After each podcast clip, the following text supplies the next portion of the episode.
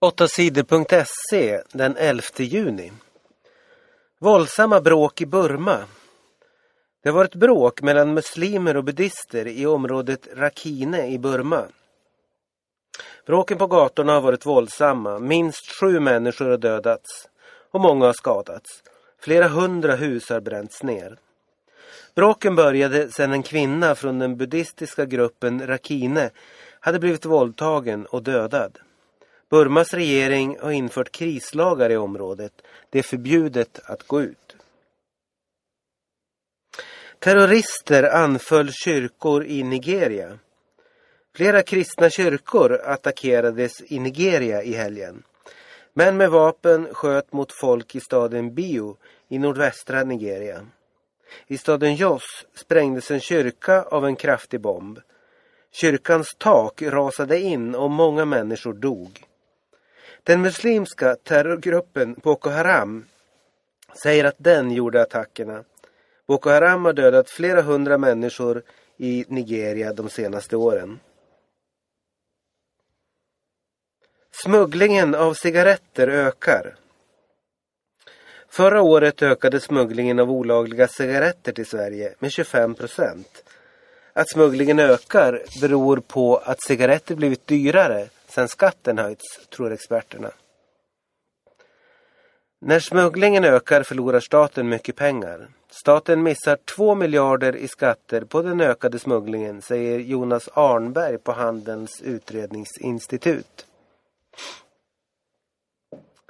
Vänstern vill att män sitter och kissar.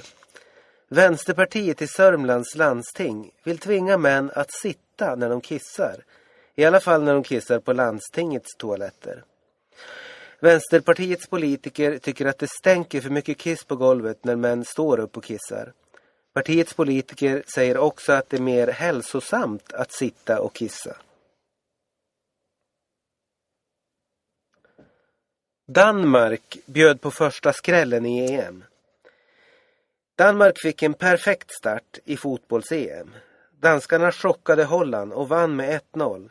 Det var den största skrällen hittills i EM. Mikael Krondelli blev dagens stora hjälte. Han lurade tre holländska backar och rullade in bollen bakom Hollands målvakt. Ett mycket vackert mål. Danmark spelar i den tuffaste gruppen i EM. Inte många hade väntat sig att Danmark skulle ha någon chans mot VM-tvåan Holland. Men danskarna spelade klokt och lugnt. Nu har Danmark skaffat sig en bra chans att gå vidare från det som kallas dödens grupp. De två andra lagen i dödens grupp spelade också helgen. Tyskland vann med 1-0 mot Portugal. Ikväll måndag spelar Sverige sin första EM-match. Sverige möter Ukraina. Spanien tvingas ta nödlån. I flera veckor har Spaniens ledare Mariano Rajoy sagt samma sak.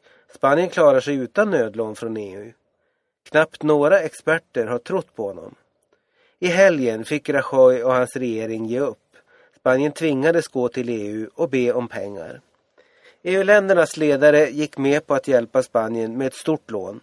Mellan 50 och 100 miljarder euro ska Spanien få låna för att rädda sina krisande banker. De spanska bankerna har lånat ut mycket pengar till folk och företag som inte kan betala räntor på lånen.